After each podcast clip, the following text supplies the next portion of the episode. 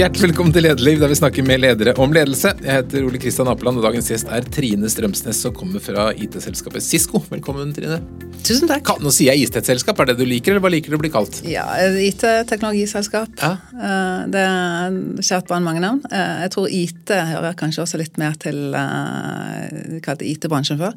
Så vi er teknologiselskap. Ja. Eh, Og dere er er ganske store. Vi er det. Eh, Vi 90 000 på global basis. Vi er rundt 550 eh, i Norge. Eh, og rundt sier jeg det, for dette, det starter jo nye hver dag. -hmm. så, og i Norge så har vi veldig mange ingeniører. Eh, så vårt sted hvor vi går og forsøker å få tak i folk, det er veldig mye på NTNU. Men vi, vi hadde et oppkjøp i, tilbake i 2010 eh, av et eh, ærverdig gammelt eh, norsk selskap. eh, navn, ikke minst. Tønberg. Eh, og eh, er veldig god av. eh, og et selskap som er utrolig eh, Var den gang og fortsatt å være å drive høy grad av innovasjon. Og stikkordet der er videokonferanse. En videokonferanse, ja. Er Cisco blant de ledende i verden på dette? Absolutt. det er kanskje Ja. dumt å spørre deg om det. Eh, I forhold til eh, Hvis, du- hvis du skal spørre noen, så, så selvfølgelig eh, Spørs om hvordan du definerer det. Mm.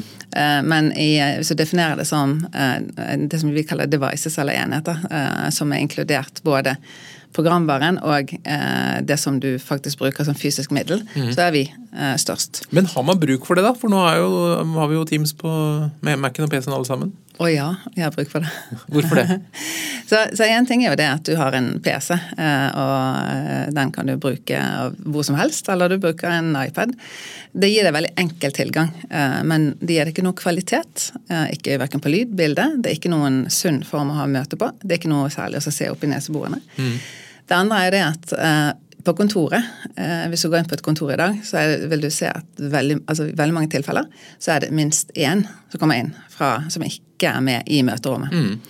Og da har du behov for å ha tilrettelagt et møterom som er så bra, både på eh, lydbildet, men også så naturlig i forhold til møtet. At ikke det, den som sitter på, eh, på den andre enden, så å si, eh, føler seg ekskludert.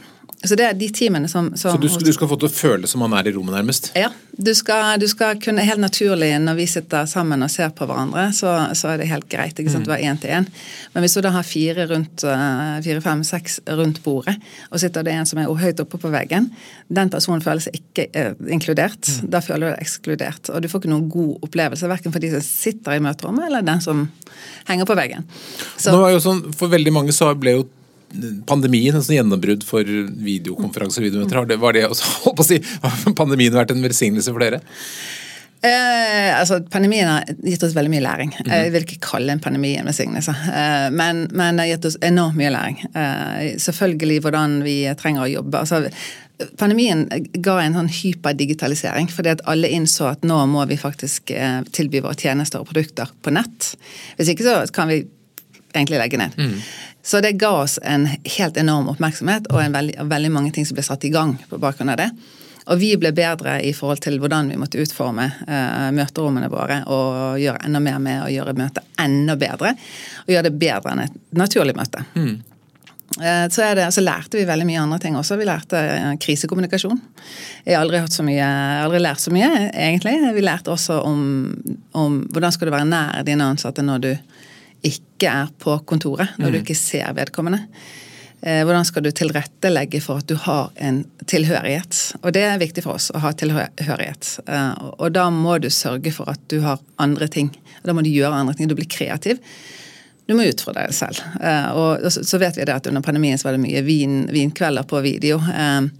Men, men også det å ha veldig tetthet for våre ledere, ha tetthet til sine team. Sørge for at teamene kan jobbe sammen. Våre team må se hverandre eller snakke sammen. De må ha veldig tett eh, samarbeid for å kunne drive innovasjon. Så, så vi lærte enormt mye under pandemien. Og hvis vi klarer å ta med oss bare halvparten av det, så tror jeg det er bra. Men dere har jo da mange mange års erfaring med dette med fjernjobbing og videokonferanse osv. Det, det er jo eh, i, sånn, i etterrønning av pandemien da, så er det noen steder hvor alle har kommet tilbake på kontoret. Sjefen vil ha alle på kontoret, og så er det noen steder hvor sjefen er frustrert fordi at altfor mange er hjemme. og så er det noen som har funnet en mellomløsning. Du kan da sikkert gi oss oppskriften. Hva er det perfekte?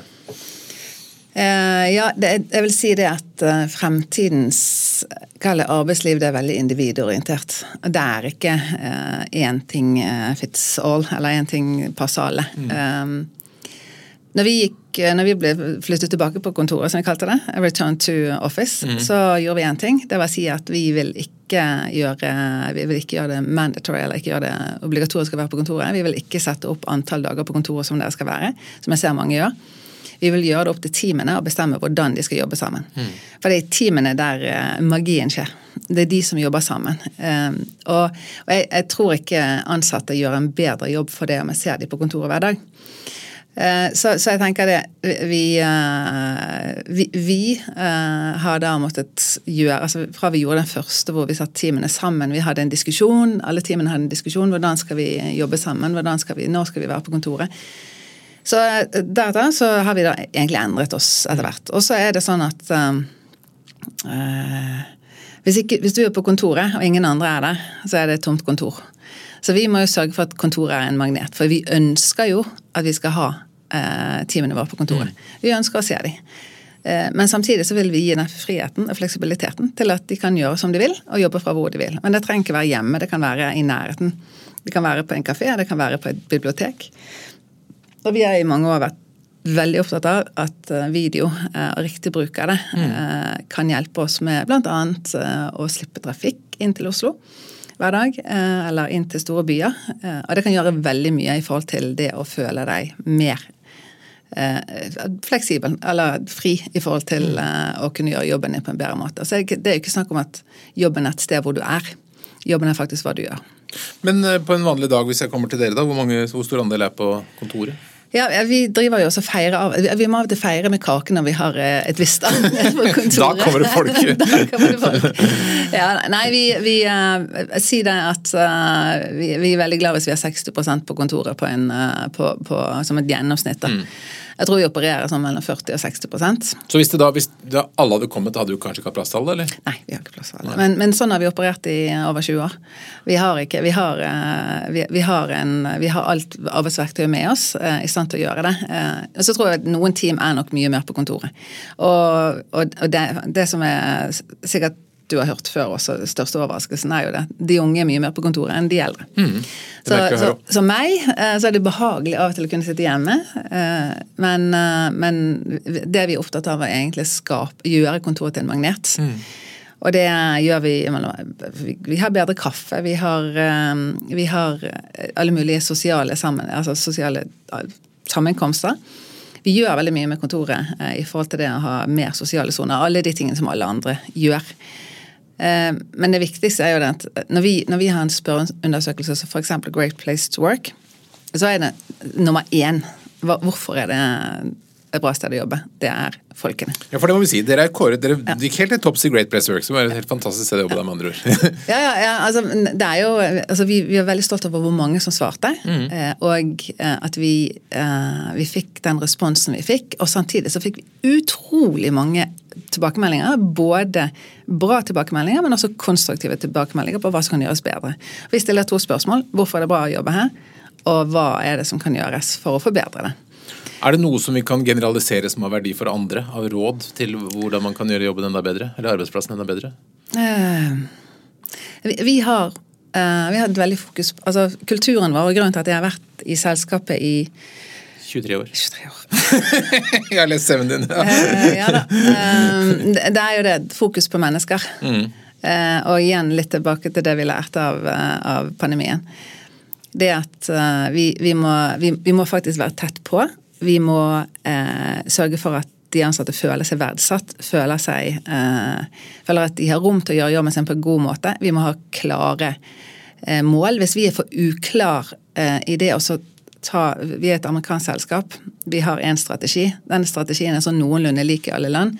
Hvis vi er for dårlige til å oversette den strategien som kommer fra mor til hvordan vi skal gjøre jobben i Norge, Mm. så er det uklart. Eh, og da, da, da, har du, da har du ikke den tilliten, du har ikke den muligheten, du har ikke rom for, eh, og du har misforståelser, og, og fører til, ja, kan føre til at folk, eller teamene våre ikke Mm. føler seg um, ikke si verdsatt, men de ikke føler at de har eh, kart og kompass. da. Mm. Eh, Men hvis vi holder oss litt til på dette med hybrid arbeid, altså det å kunne jobbe her og der og se hverandre på, på video sånn, dere, Du er jo en internasjonal konsern. Hvordan ser det ut? Er vi i Norge er vi mer eh, digitale og mer hybride enn andre, eller er vi etter, eller hvordan ligger det an?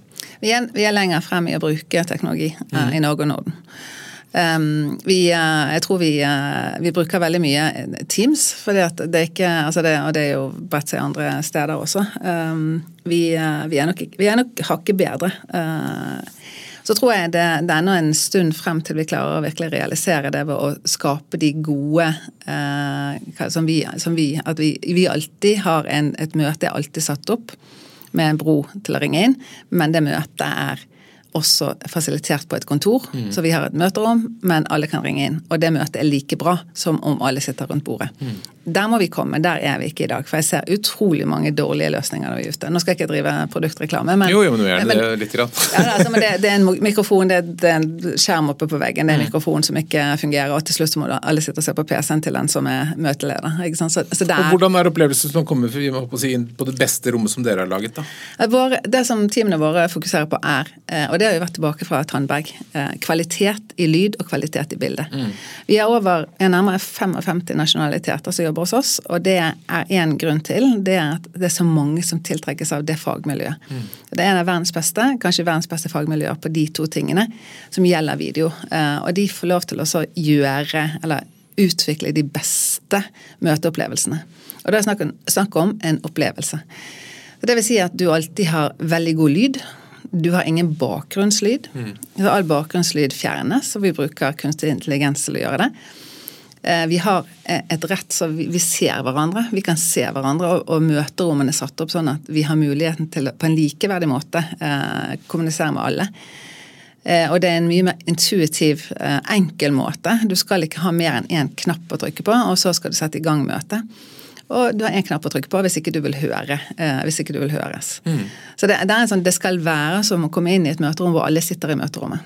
Det er det Men, men nå har jo dere holdt på med dette i mange år. Ja. ja ute, altså, man kunne tenke at nå må man snart være ferdig med å lage god nok lyd og godt nok bilde, eller er det, er det mye igjen? Det, det, ifølge våre ingeniører så er det veldig mye igjen. Nei, altså det, det, det er jo hele tiden å bruke faktisk bruke kunstig intelligens til å sørge for at de opplevelsene altså det skal, ikke, det skal ikke være som noe annet enn et veldig godt møte. Og fjerne så mye rundt det som mulig. Og det, det er jo til hologram til å, og den type teknologi som tar det videre. Så ja. Og så har jeg hørt at nå skal dere i, i oktober så skal dere på en stor konferanse i California hvor dere skal presentere eller snakke mer om hybridarbeid og optimalisering. og Da skal dere vise noe verktøy som dere har laget. Så hva, fortell hva som skjer der. Jeg har ikke lov å snakke om det. vet du. Å, Nei, Litt. det- Men du skal vise frem noe fint, da. Ja da, men, men det er jo at jeg drar teknologien videre til Mm. eh, Og i dag, hvis, hvis, jeg, hvis du hadde kommet på vårt kontor og vi hadde vist deg rundt hva vi faktisk Mm. gjør, så er det det er som når du bruker Excel og Word. eh, Du bruker ikke engang halvparten av det eh, som er mulighetene.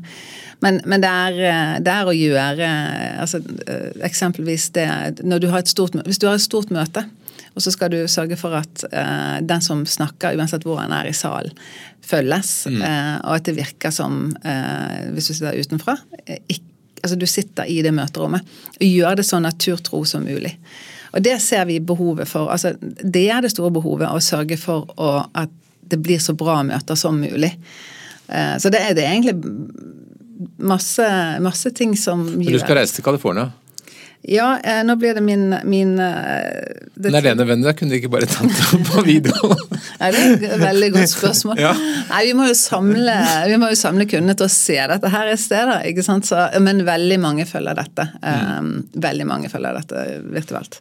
Så, så det er, men vi driver jo med mange andre ting også. Eh, Så, så, så, tann, så for så vidt den del som tidligere var Tandberg. Vi, eh, vi, er jo, vi er jo digital... Altså, hvis du kjenner til Cisco, eh, så er jo Cisco også grunnmuren for digitalisering. Eh, Det er veldig, det det er veldig stor uttalelse, det må, det må du si litt mer om. Ja. Cisco ble startet i, tilbake i 84. Vi er 40 år, snart 40 år. Vi ble startet av et ektepar på Stanford som eh, fant ut at de satt, de satt på hver sin side av Stanford universitet. Og fant ut at de, må, de hadde to datasystemer som ikke kommuniserte. Det var før det vi kaller internett i dag. Og de laget noe som heter multiprotokollruter. Det den gjorde, var å oversette fra det ene datasystemet til det andre. Så startet vi å bygge internett sammen med andre. Og I dag så går mer enn 75 av trafikken på internett går gjennom våre løsninger. Så, eh, og i dag eh, vi snakker om eh, f.eks. kunstig intelligens og muligheten for kunstig intelligens. Eh, så muliggjøres det av digitaliseringens grunnmur. Eh, og så er det veldig mange som snakker om digital, at de er grunnmuren for digitalisering. Mm. Men, men det er grunnmurene For det, du ser ikke så ofte Sisko. Du ser de produktene som er synlige. Så, så det, hvis du snakker nå om den det som veldig mange snakker om i Norge, som mm. er kunstig intelligens. Ja, alle snakker om det. ja. Uh, og det som, det som, vi ser kundene våre opptatt av nå, mm. er hvordan skal vi uh, Alt fra de som har, tenker hvordan skal vi klare det grønne skiftet, uh, til bedrifter som, som, tenker hvordan skal vi klare med de menneskene vi har i dag, eller kanskje enda mindre mennesker, å gjøre en enda bedre jobb, levere enda bedre tjenester. Levere, alt ifra å levere mer strøm til å levere bedre tjenester i kommunen min. Og det må vi bruke teknologien til. Mm. Og det, det er det vi gjør utenom det vi gjør på altså Det er det som er ansvar for for hele Norge. da, egentlig, Det er kommunikasjon som i dag muliggjør at vi kan sende data fra et sted til et annet, eller mange steder.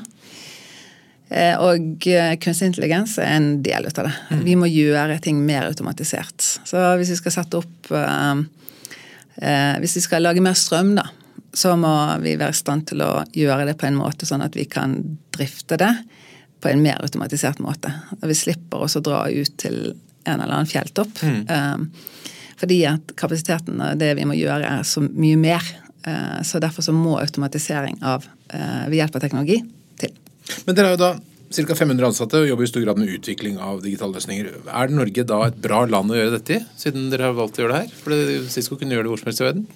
Ja, og det var veldig mange som lurte på skal, Vil det da si at når, når, når oppkjøpet kom i 2010, mm. hva skjer nå? Det er jo ikke det billigste landet å ansette folk i? eller? Nei, men ikke det dyreste heller. Nei. Eh, nei, men vi, vi har veldig dyktige ingeniører vi har en, tillit av, en, tillitskultur som gjør at teamene jobber veldig bra sammen. Og så hadde vi veldig bra ingeniører. Mm. Så det var, det var, egentlig Vi så det at eh, ingeniørene kom til oss utenfra Norge.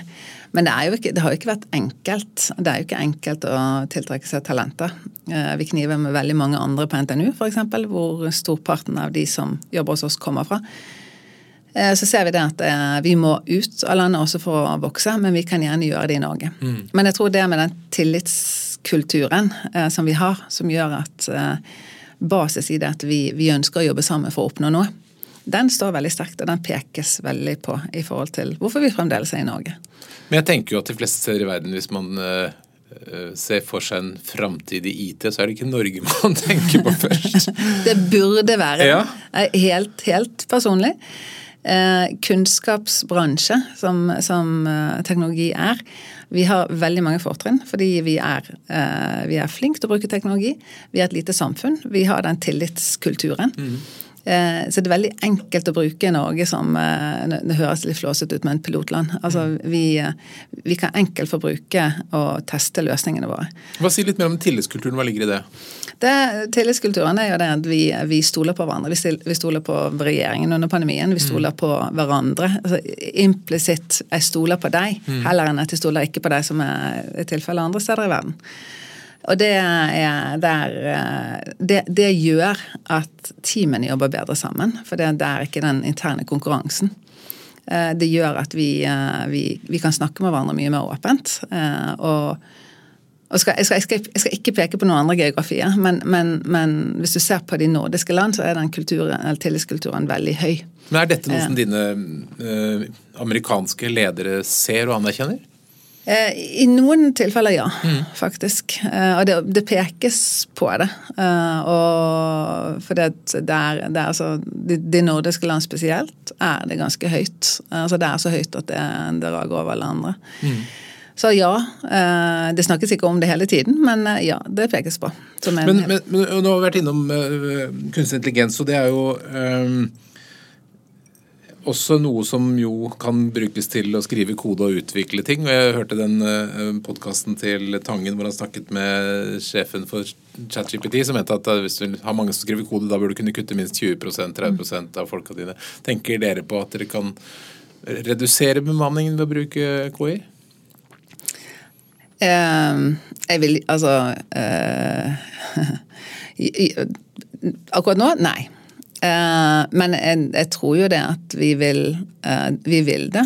Vi vil det, og andre vil det. Mm. Uh, og det er et vanskelig spørsmål som mange lurer på. Blir nå jobben min eliminert? Um, jeg mener jo fremdeles, og veldig mange med meg mener jo det, mennesker trengs der. Mm.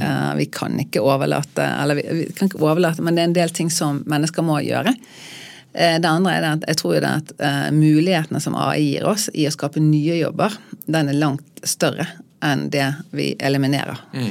Fordi at ting som, og det, Hvis du går tilbake til den industrielle revolusjon, ting som kan automatiseres, som mennesker ikke trenger å gjøre.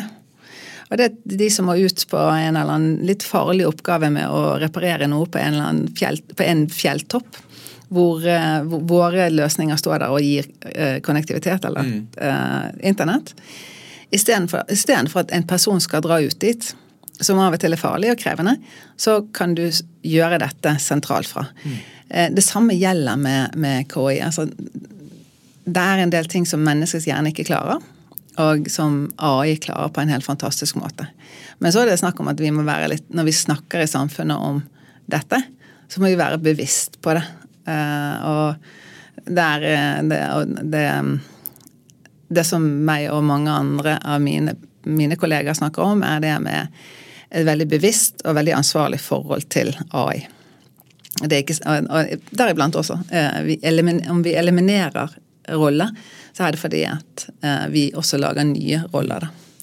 Jeg tror det for veldig mange ledere så er dette litt abstrakt. altså Man har brukt ChatGPT og bla, bla, men det, liksom det å se hvordan AI eller KI kommer til å påvirke ens egen virksomhet og hvilke muligheter og trusler som ligger der, det er ganske vanskelig. Hvordan anbefaler du at man orienterer seg på dette området? Eh, kan jeg ett råd? Ja. begynn, begynn, på, begynn, på, basis. Mm. Uh, og, og, jeg ble veldig glad etter å ha lest Inga Strømskes Ja, den er altså og, den, veldig bra. Mm. Ja, og du får den også nå i lydbok. ja, så bra. Eh, Vi anbefaler den. 'Maskiner som tenker'. Maskiner som tenker. Ja. Maskiner som tenker. Det, den gir en veldig veldig bra innføring eh, helt fra bunnen, og så noen, noen ganger så ramler man av. Mm. Eh, men, men den gir også et veldig bra perspektiv, eh, både rundt etikk. Eh, og det er også et bra perspektiv i, eh, til, når du tenker gjennom skal, altså, er dette farlig for meg? Er dette mm. noe jeg bør gjøre noe med? Alle snakker om det, skal jeg gjøre noe med det? Så gir det et bra sted å starte. Eh, og så tenker jeg det at eh, AI kan gjøre noe, men det kan ikke gjøre alt. Eh, vi, vi ser at det hjelper oss veldig på koding, på repetitive oppgaver. På det å hente inn informasjon som ikke vi klarer. Og så er det ting som det ikke kan gjøre. og, og det, det som er en veldig sånn Mediebransjen, eksempel hvor du eh, hvis, du hvis, du produserer noe, og du ikke vet hvem som faktisk har produsert den Vi snakker om watermarking. Det at du må vite hvor eh, opphavskilden er. Eh, så i mediebransjen snakket om at du, må, du har et direktøransvar. Eh, og da eh, Det å faktisk vite at det du leser, er riktig, mm. og det er ikke fake, der har vi en lang vei å gå. Eh, og der er det mange si, Dette her er helt personlige tanker. Mm. Der har vi mye vi kan eh, tilføre, og der må vi ha mennesker. Mm. Så tror jeg ikke på det at maskiner vil noen, noensinne styre verden. Så, vi får håpe det, at ikke, at ikke det skjer i hvert fall. Ja. Altså, det, det, er, det er en, men, men, det er en igjen, det er en, et godt sted å begynne å lese den boken mm. og reflektere litt over det. Så, og så tror jeg vi vil se en veldig, veldig rivende utvikling. Og så, så, tror jeg det at det, det, er veldig viktig nå at det, det, lages et rammeverk for hvordan vi skal forholde oss til AI mm. og bruke det. La oss snakke litt om din vei hit. Var dette det, det, du tenkte på i barnehagen? At når jeg blir stor, så skal jeg bli eh, leder for et svært IT-selskap? Eller hvordan skjedde dette? Overhodet ikke. Uh, nei, det var det ikke. Um, og det har, det har, blitt en sånn uh, Falt inn i det er vel kanskje feil uh, å bruke. Men, men jeg, hadde, jeg, hadde, en bachelor og tok litt ekstra teknologi ved siden av. Hva har du bachelor i? Ja, Det skal ikke vi snakke om. jo, det er gøy. nei, la den okay. Men, men, nei da, det, men, det, men det er business, mm, så, ja. så, er det ikke teknologi. Mm. Men jeg tok et ekstra um, år på det som jeg tror det het DPH. Mm. Eh, Teknisk høgskole? Ja, yep. stemmer. Eh, og veldig interessant. Og fikk programmere og fikk en maskin til å gjøre sånn som jeg sa, bare ved å lage en sånn eh, kode. Det er gøy. Ja, det, Men jeg gjør ikke det. Jeg Nei, ikke men, det, men det, var gøy da? Det var kjempegøy, mm. og det var veldig interessant. Um, så derfor så, så, så, havnet jeg i teknologibransjen. Mm. Eh, eller IT-bransjen den gang. Først i noe som het SIO-data?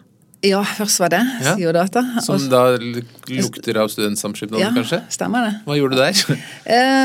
da var jeg ansvar for, uh, ansvarlig, salgsansvarlig for uh, Forsvaret. Ja. Veldig ung.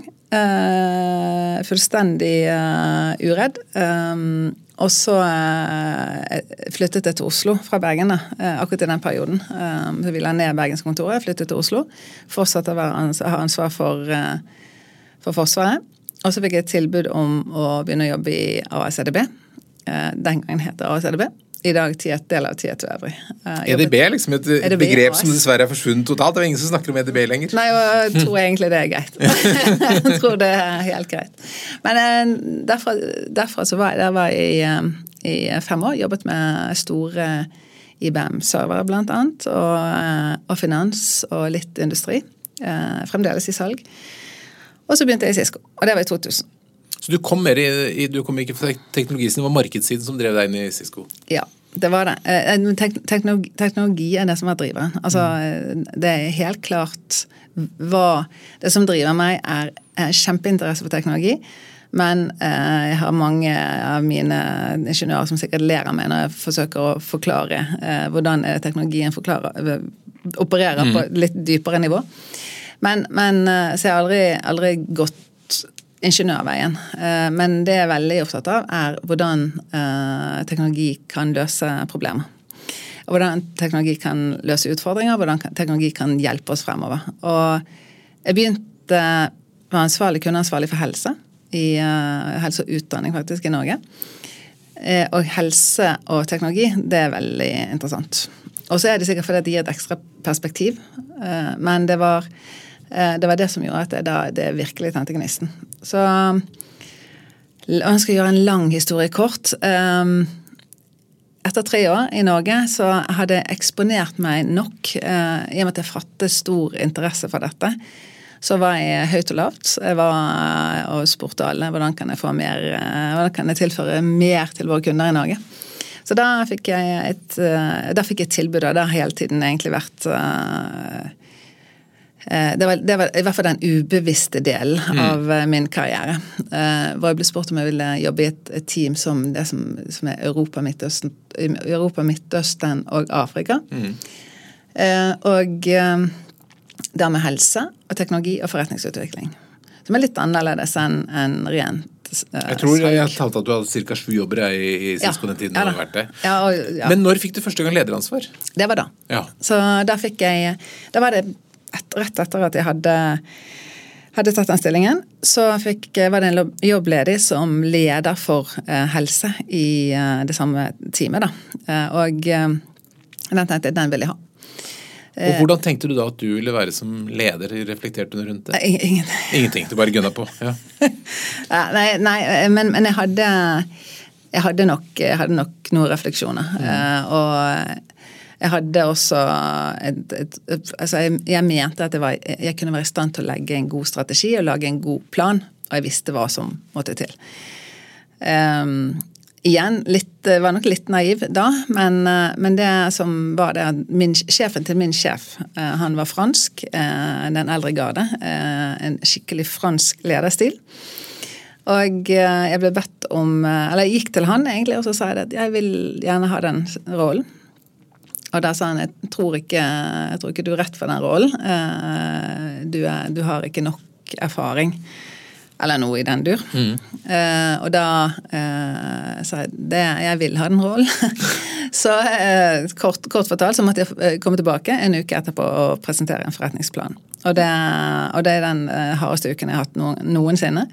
Og da måtte jeg be alle gode venner om å hjelpe meg å skrive den og få den virkelig ned til å bli god.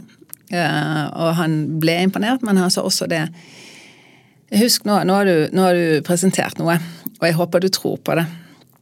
Men ikke glem det at jeg ikke glemmer. Så dette skal du faktisk gjennomføre. Så det var en eh, Jeg tenkte litt det, det kan, det kan, Dette kan bli tøft, eh, men, men jeg gjorde det. Så Du må ha levert, da, siden du fortsatt er der. Ja da.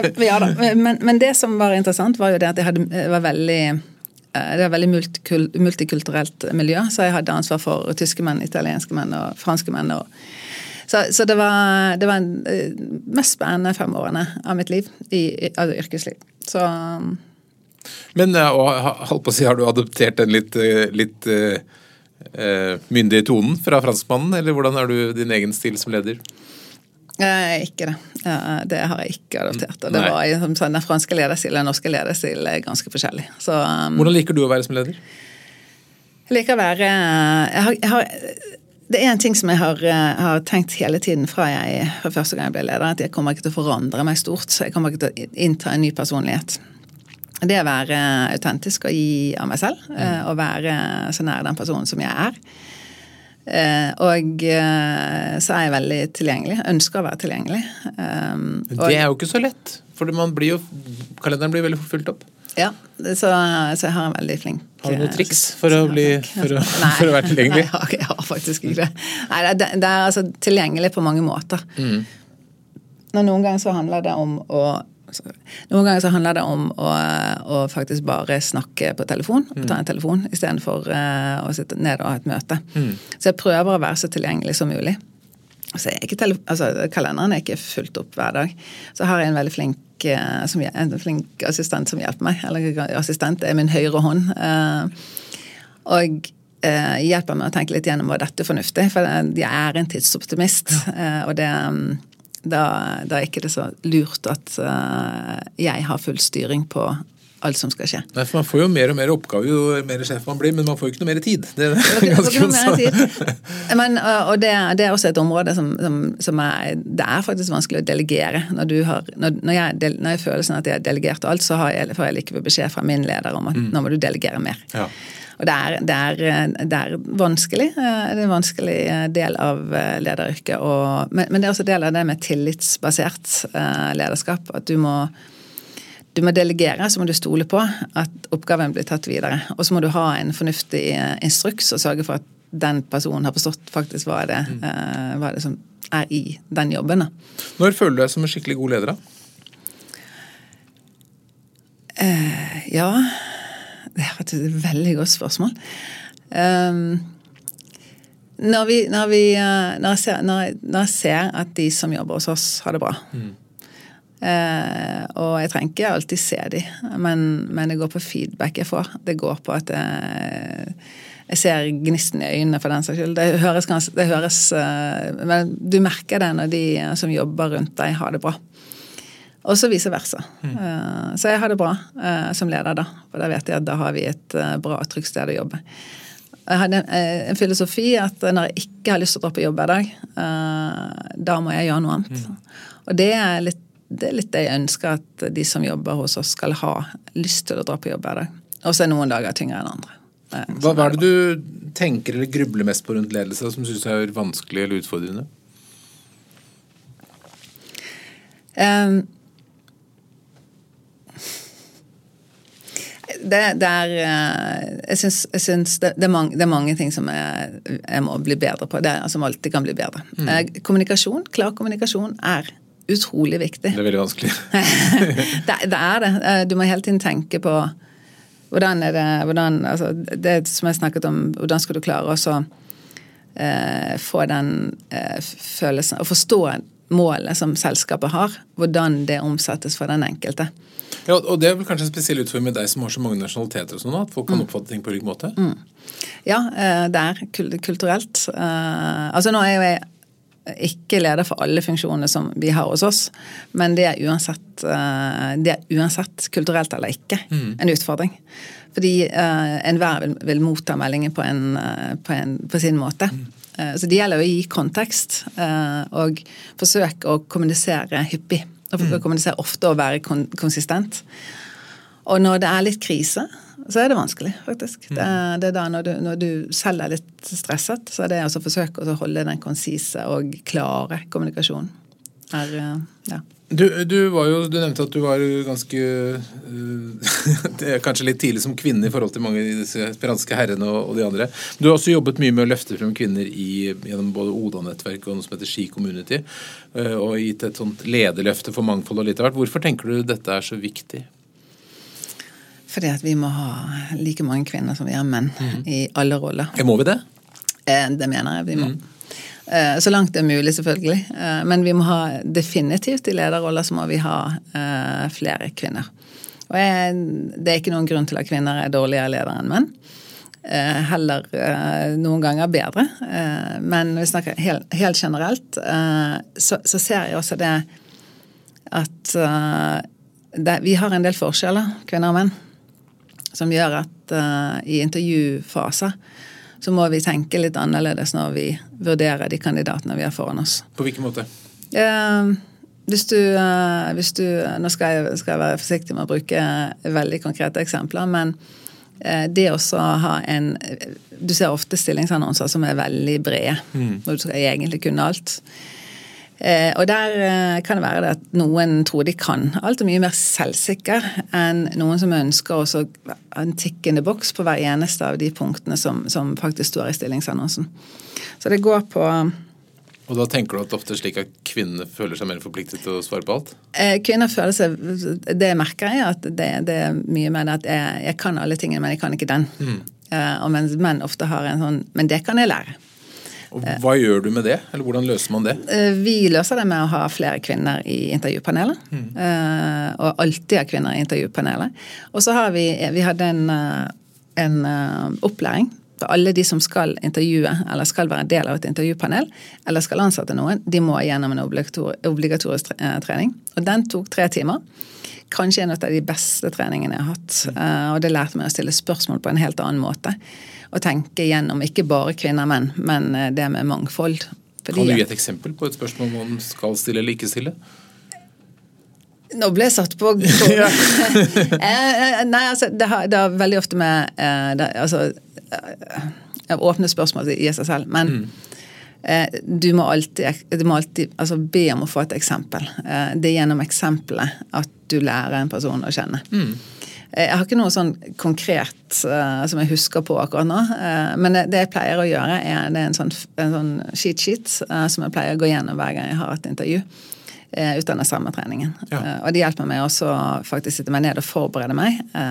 og det å forberede seg til, til et intervju er også en av de veldig konkrete altså deler av den opplæringen.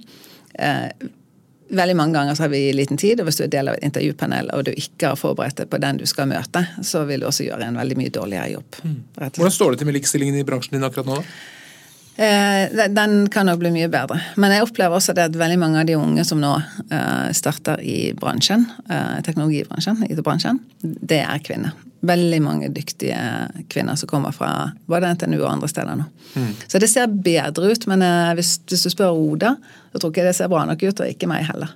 Det kan, det kan bli mye bedre. fordi de, de, løsningene vi utvikler, eh, det vi gjør nå både med AI eller KI og andre eh, teknologi altså Teknologi er en del av tilværelsen vår på en helt annen måte. Da må det også være utviklet av uh, det samme mennesket som skal bruke det. Uh, og det er 50-50, altså det er både kvinner og menn, og det er flere kulturer. Mm. Vi, kan, vi, kan, ikke gjøre tabber ved det. Uh, og du, har du sikkert hørt de eksemplene med Amazon og rekruttering og bruk av AI, f.eks. Hvor hvis du da hvor AI eller gjorde Hvor, det skjevt? Nei, det er, det er en ganske gammel, eller, gammel, Det er ganske lenge siden det skjedde. Mm. Men um, hvis du bruker data til, inn til AI for å liksom finne ut uh, For å gi et, et, bedre resultat. Så bruker du data som de, de snakker om trene på. Og dataene, hvis dataene som det trenes på, er de mest suksessfulle ansettelsene du har gjort, og du stort sett har ansatt menn de siste ti årene, mm. så er da resultatet, hvis du da vil ansette, uh, og hvis AI får jobben med å sile søknadene, da vil resultatet være da bør du ansette en mann i mm. den og den alderen. For det er det som har vært ansatt siste ti år. Mm. Så det er, sånn, det, men det er et eksempel. Det er et godt eh, eksempel. Men, men, bør man generelt bruke eh, Kan man stole på kunstig intelligens til å sile søknader? eh, nei. Nei.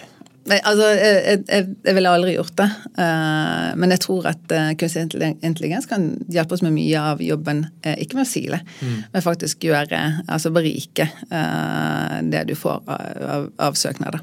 Så, jeg, jeg, og så er det kanskje lett for oss å sitte i Norge og snakke om det i lite samfunn, mens ja. Amazon har vel ganske mange jobbsøkere. Ja, ja men, men det, alle disse tingene ting vi lærer. Amazon og andre lærere, Mm. Altså, det er jo det er tung læring når det skjer. Så, så det, altså. Men det er jo verdifullt da, å få sånne historier, for det gjør at man kan mm. tenke seg om litt på hvordan man bruker teknologi. Men jeg skal bare si at den historien også finnes i Inger Strømskes bok. Nå tror jeg, jeg er ikke betalt av forlaget, men, men, men det, er, det, det, er noe, det, er en del ting man bør, eh, bør, få med seg. Er du god til å lese bøker generelt? Er det, henter du mye inspirasjon fra bøker? Ja, det har gått veldig mye lydbøker. Ja. Fordi det gjør at jeg, jeg, klarer når jeg går tur Jeg, må, jeg går ofte tur mm. Eh, sammen med noen hunder eh, og mannen min. Eller jeg sitter i bil. Den tiden der er veldig effektiv å høre på lydbok. Mm. Uh, og det setter liksom Jeg får resatt uh, dagen, egentlig. Det er en fantastisk måte å bli, eh, ja. få, få, inspirasjon på, definitivt. Men lese, lese også er veldig bra. Så uh, jeg skulle lest flere bøker. Altså lese fra perm, uh, nesten. Burde, alle, alle, ledere burde vel egentlig lese mye mer, tror jeg, men det er det å få tiden til alt da, som skal, skal, gå opp. Men du, Litt tilbake da til, til videokonferanse, Cisco, den store avdelingen i Norge. Hvordan ser dette ut i fremtiden? Kommer dette til å bli, til å bli større, mindre? Hvordan ser du for deg selskapsutvikling neste tiårene? Uh, det er et svært spørsmål til et lite selskap. Ja!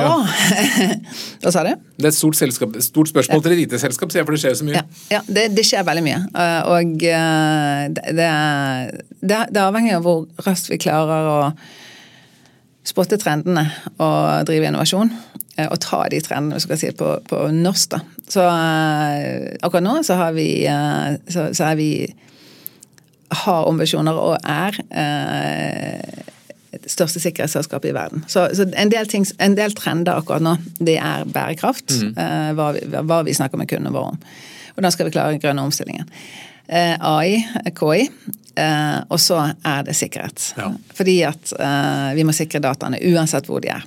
Og de dataene er på så mange flere steder. og det vi gjør muliggjør, er jo at Eksempelvis i en fabrikk så kan du gjøre ting mer automatisert. Eh, bruke sensorer eh, som gjør at du kan innhente data. Eh, AI kan hjelpe deg med å eh, gjøre noe med de dataene på en mer automatisert måte. Men det gjør det eh, eh, angrepssektor, altså angrepsspekteret. Blir mer sårbar. Ja, mye mer sårbar. Så, så, så, så, det har vært veldig lenge når vi har snakket om digitalisering og sikkerhet. Mm. Så vår jobb er å rett og slett koble sammen og sikre eh, både bedrifter og eh, land, og eh, virksomheter på tvers av eh, land. Er det på en måte baksiden av digitaliseringen, at vi blir mer sårbare? Um, ja. Eh, det har vel egentlig vært siden vi, vi begynte med tek, tek, teknologi, for å si det sånn. Eh, men det har økt fordi det er en veldig lønnsom bransje, hvis ikke vi klarer å beskytte oss. Mm.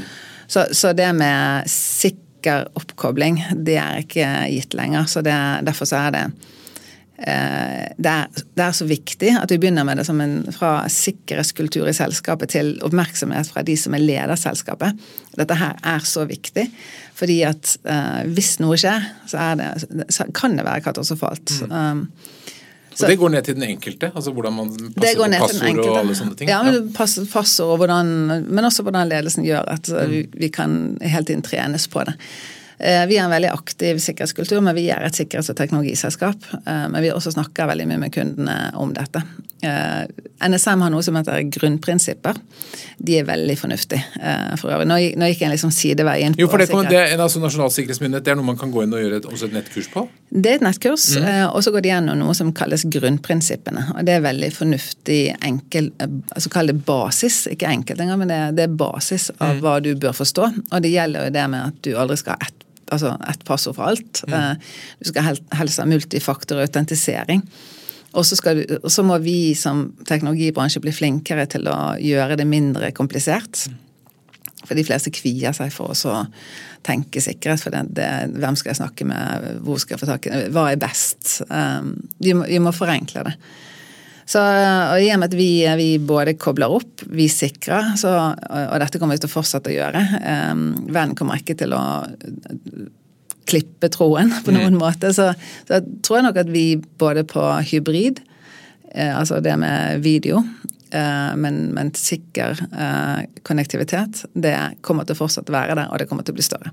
Er det en fare for at noen plasserer et videokamera inn i et rom, at noen andre kommer seg inn på det og ser og hører hva som skjer? Ja, det er en fare. Men det er, eh, det, det, er sånn, det er, veldig mange dyktige IT-ansvarlige, sikkerhetsansvarlige rundt. Det er veldig mange dyktige selskaper som kan hjelpe til med det. Men det er, eh, det er en fare. Så her gjelder det å ha tunga rett i munnen. Helt til slutt, eh, Trine, du, hvis det kommer en ung person til deg og har lyst til å bli leder, og kanskje leder i IT-bransjen, kanskje til og med en kvinne, da, siden vi har snakket om likestilling spesielt i dag, hva er de viktigste lederrådene du vil gi? Ehm, jeg tenker litt på de som jeg har fått tidligere. Eh, og det er å, å være nysgjerrig. Eh, og faktisk oppsøke og se hvilke muligheter det er. Men også snakke med mennesker rundt. Mm. Og det gjelder, når jeg får spørsmål om dette, så Hvis du ser en stilling du ikke tror den er riktig for deg, for den ligger, den ligger for langt frem, men ta og snakk med den som ansetter. Mm. Så vær nysgjerrig. Uh, vær tydelig på hva du vil. Men det gjelder spesielt, uh, tenker jeg, i forhold til kvinner. Uh, vær tydelig på at jeg ønsker med den stillingen. Mm. Og så kanskje det som Ja, vær, vær forberedt. Jeg ser det alltid fra å være forberedt på en utviklingssamtale med nærmeste leder til å være forberedt på et viktig møte. Mm. Eh, og så er det siste, siste fjerde tingen Det er faktisk ganske hardt arbeid. Men når du, når du, sitter der som toppsjef da, og skal lage verdens best place to work, hva er hemmeligheten med å lage den beste arbeidsplassen? Det er eh, jeg, vil, jeg, vil, jeg vil, si på, på, en enkel måte tillitsbasert ledelse. Eh, hvis du føler det at du har tiltroen og tilliten fra lederen, så gjør du en mye bedre jobb. Men derigjennom er det også vårt ansvar å gjøre det enkelt for deg å forstå hva det, hva det skal gjøre for å gjøre en god jobb. Og så må du ha verktøy for å gjøre det. Eh, så verktøy alltid fra trening, opplæring eh, og en forståelse for, for det, og teknologien til å gjøre det. Og så et aller siste spørsmål. Nå har du snakket veldig varmt om videokonferanse, at det er nesten er som å være i rommet. Kan lederen sitte hjemme hele tiden og bare være på video? Nei. Enkelt og greit. Enkelt og greit. Tusen takk for at du kom til Lederliv.